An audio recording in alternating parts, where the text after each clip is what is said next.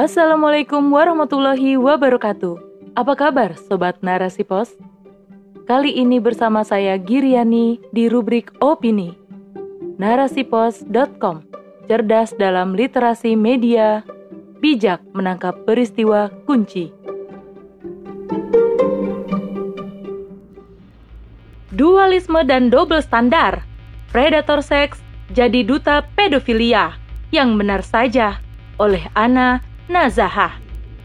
Sudah lumrah, orang sakit ditangani dokter, perampok ditangani oleh polisi. Nah, jika nanti-nanti ada yang bertanya tentang penyakit, yang ditanyai itu dokter, dan kalau ditanyai persoalan kriminalitas, dampak dan solusi, yang ditanyai itu polisi. Begitu bukan?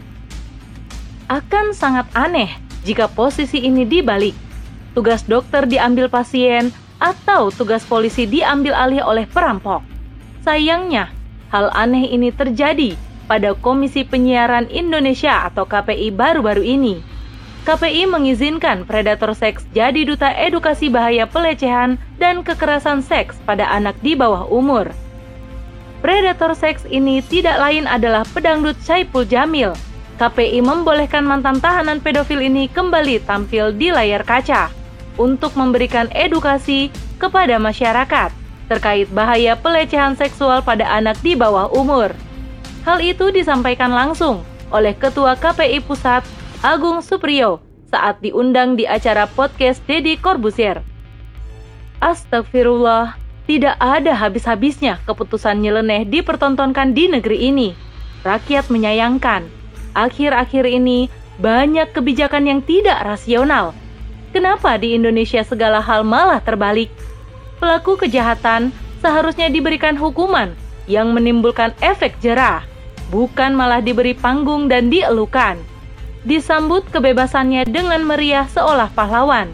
Dia baru dibebaskan dari hukuman akibat perbuatan tercela, bukan sedang berjuang membela negara.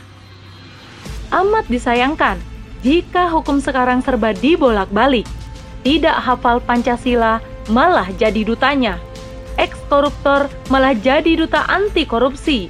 Kini, predator seks malah jadi duta edukasi pedofilia. Kebijakan ini terkesan dibuat-buat. Kenapa hal ini bisa terjadi? Kenapa para penjahat malah diberi panggung dan diapresiasi? Padahal kejahatan mereka tidak hanya merugikan korban, namun juga seluruh bangsa ini anak-anak bangsa terancam menjadi sasaran kekerasan seksual. Predator anak di luar sana seperti mendapat angin segar. Inilah sikap dualisme dan double standar. Di satu sisi, kita ingin menuntaskan segala kejahatan yang mengancam umat bangsa ini. Tapi di sisi lain, kita malah membuka peluang kejahatan ini terulang kembali. Penjahat-penjahat ini tidak mendapatkan efek jerah sama sekali. Padahal dampak dari kekerasan seksual anak di Indonesia sudah di tingkat yang serius, sekaligus mengerikan.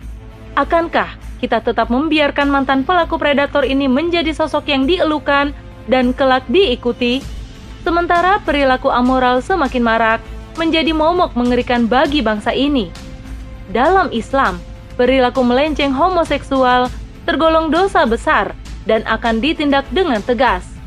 Allah Subhanahu wa taala menggolongkan perbuatan ini sebagai perbuatan keji, sebagaimana firman-Nya yang artinya, "Dan ingatlah kisah Lut ketika dia berkata kepada kaumnya, Mengapa kamu mengerjakan perbuatan fahisyah atau amat keji yang belum pernah terjadi oleh seorang pun dari umat-umat semesta alam? Sesungguhnya, kamu menggauli lelaki untuk memenuhi syahwat, bukan istri. Sebenarnya, kamu adalah kaum yang berlebihan. Quran Surat Al-A'raf 80-81 Terlebih lagi, jika perbuatan tersebut adalah pencabulan anak di bawah umur, maka sanksi yang diberikan akan lebih besar lagi. Pemberian sanksi bisa saja hukuman mati, sehingga menimbulkan efek jerah bagi orang lain agar tidak melakukan hal yang sama. Sayangnya, kita hidup dalam sistem demokrasi di mana hukum bisa diotak-atik sesuka hati menurut hawa nafsu manusia, bahkan meninggalkan hukum Tuhan yang suci. Lantas, apa yang terjadi? Predator seks tidak pernah mendapat efek jerah. Malah sebaliknya, angka seks bebas dan kekerasan seksual tak pernah berkurang, malah semakin menjadi-jadi. Inilah fakta dualisme dan double standar yang dihasilkan demokrasi. Persis terlihat di kasus predator seks yang menjadi duta kekerasan seksual pada anak saat ini. Hal ini cukup menjadi bukti bahwa sejatinya hukum sekulerisme tidak pernah memihak rakyat, tidak menimbang perasaan korban dan jutaan anak bangsa yang terancam. Karenanya, hanya sistem Islamlah satu-satunya yang mampu memberi solusi tuntas terkait predator anak ini.